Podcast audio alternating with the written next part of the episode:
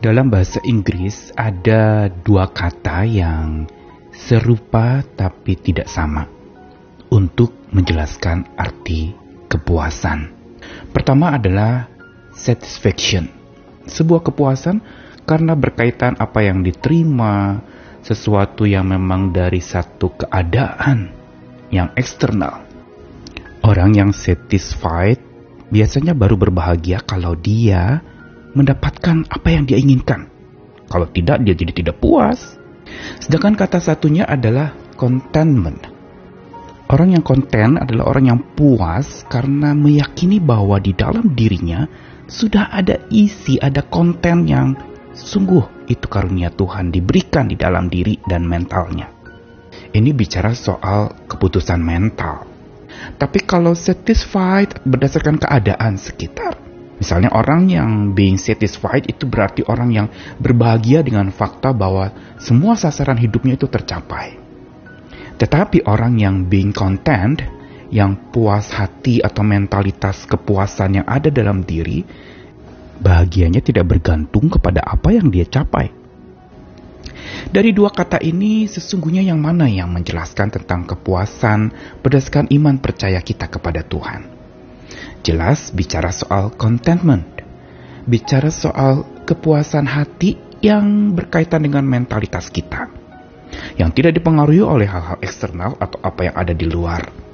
Dan inilah sebenarnya rasa puas yang pas.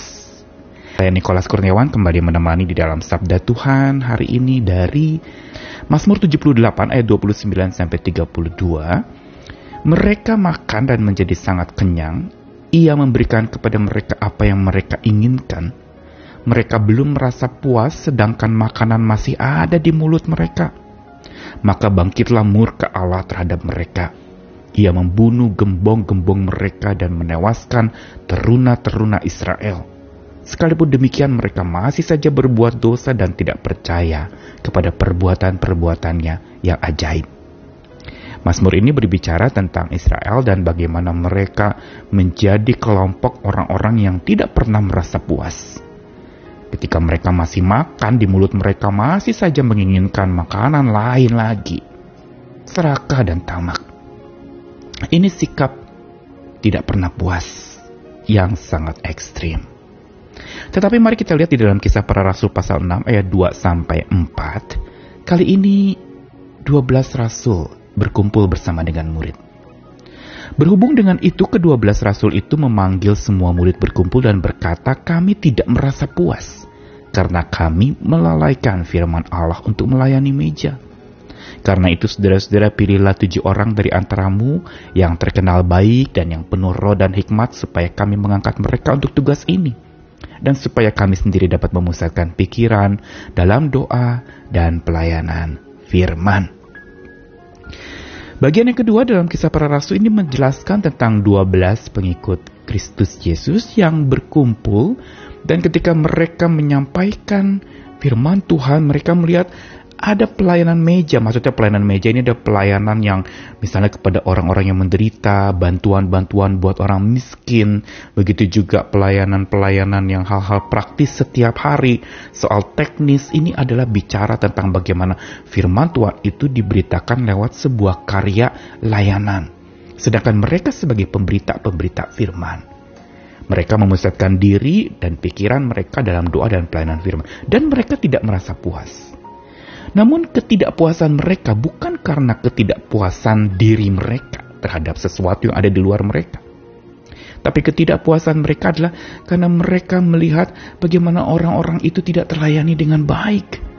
Karena itu perlu ada orang lain lagi, ada ditambahkan tujuh orang dikatakan untuk supaya mereka dengan roh dan hikmat Tuhan bisa melakukan tugas perluasan firman Tuhan itu pada hal-hal yang praktis, pada aktivitas-aktivitas menolong, membantu yang menderita, dan lalu mungkin berderma dan mendonasikan sesuatu atau menolong mereka yang sedang sakit dan sebagainya. Perhatikan bagaimana dua kisah yang dibacakan tadi bicara tentang ketidakpuasan, namun memang berbeda motifnya. Yang satu tidak puas berkaitan dengan keinginan diri sendiri, tidak puas yang di sinilah satisfaction itu muncul di Mazmur 78 yaitu sebuah kepuasan yang berkaitan dengan makanan yang mereka terima enak atau tidak enak. Wah, restoran itu memuaskan. Tetapi kalau bicara soal tidak puas yang positif yang justru tepat dan pas itu ada di dalam kisah kedua belas rasul tadi. Ketidakpuasan mereka bukan karena mereka pikirin diri mereka sendiri puas atau tidak puas. Mereka dapat atau tidak dapat sesuatu, bukan. Justru mereka memikirkan bagaimana memberi lebih luas lagi mereka sama sekali tidak bermotifkan untuk kepentingan diri sendiri. Dan inilah sebenarnya ketidakpuasan yang tepat. Karena itu kita perlu belajar antara ketidakpuasan yang tepat dengan ketidakpuasan yang tidak tepat. Atau kepuasan yang tepat dengan kepuasan yang tidak tepat. Kalau mau dijabarkan atau dirangkumkan, ada dua kelompok. Pertama adalah kelompok orang yang terlalu cepat puas Terlalu cepat puas memang tidak bicara soal tidak puas, tetapi terlalu cepat puas berarti mereka ya sudahlah segitu aja deh, padahal mereka bisa bikin sesuatu yang lebih baik.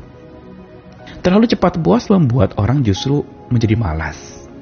Karena merasa ya sudahlah saya emang nggak perlu tinggi-tinggi kalau misalnya uh, ujian atau di kuliah atau di sekolah ya cukuplah nilai saya pas-pasan saja cukup nggak perlu lebih Gak mau mengejar yang namanya nilai yang lebih baik lagi. Tidak ada daya juang. Jadi malas karena terlalu cepat puas. Dan ini bukan satu hal yang Tuhan kehendaki pula. Tuhan taruhkan kita nalar, Tuhan mau kita berprestasi, Tuhan mau kita punya sebuah mentalitas daya juang yang tinggi dan tidak mudah puas dengan apa yang kita peroleh. Tetapi kita perlu belajar juga untuk tidak jatuh kepada satu ekstrim berikutnya, tidak pernah puas selalu tidak pernah puas. Sudah dapat yang terbaik, sudah dapat yang bagus, nggak pernah bersyukur. Dan orang yang tidak pernah puas, dia akan menjadi gila-gilaan mengejar segala sesuatu supaya mereka jadi puas, tapi berpusat kepada diri mereka. Tidak pernah puas bisa bikin culas dan bisa membuat orang jadi buas. Bukankah ada orang yang tidak pernah puas, akhirnya jadi merampas ini, merampas itu, mau merangkum semuanya, mau memiliki segalanya. Jadi culas dan buas. Lalu bagaimana dengan puas yang pas? Harusnya ada dalam hati kita sebagai orang percaya. Gambaran dari para rasul tadi di dalam kisah para rasul pasal 6 mau menegaskan kepada kita tentang orang-orang yang punya kepuasan yang pas yaitu mereka sebenarnya sudah cukup puas dengan diri mereka yang dikaruniai oleh Tuhan untuk pelayanan. Mereka tidak memikirkan bagaimana diri mereka puas atau tidak puas. Yang mereka katakan kami tidak puas itu bukan berkaitan dengan kaminya atau merekanya. Tapi justru karena melihat bagaimana ada orang-orang yang tak tertolong, tak terlayani dengan baik, dan butuh bantuan orang lain lagi untuk supaya mereka bisa terlayani dengan baik. Inilah sebuah rasa puas dan sekaligus rasa tidak puas yang pas. Yang tidak berpusat kepada diri sendiri. Yang membuat malah beban kita menjadi terlepas karena kita tidak memikirkan untuk meraih yang tertinggi, untuk mendapatkan yang tertinggi supaya saya berbahagia dan puas. Tetapi saya berjuang dengan sungguh-sungguh percaya Tuhan yang akan atur segalanya. Saya berjuang habis-habisan memang tetapi tidak menjadi ngotot dan lalu kemudian meraih sesuatu yang sebenarnya adalah sesuatu yang melampaui apa yang kita dapat ambil dan kita menjadi serakah. Puas yang pas membuat beban justru terlepas dan yang pasti kasih Tuhan makin meluas, tersebar luas menjadi kesaksian. Dan inilah belajar dari para rasul, bukan dari orang-orang Israel yang tidak pernah puas dengan segala sesuatu Mari kita periksa diri. Apakah kita sudah punya rasa puas yang pas? Apakah kita pernah mempunyai tidak puas yang salah?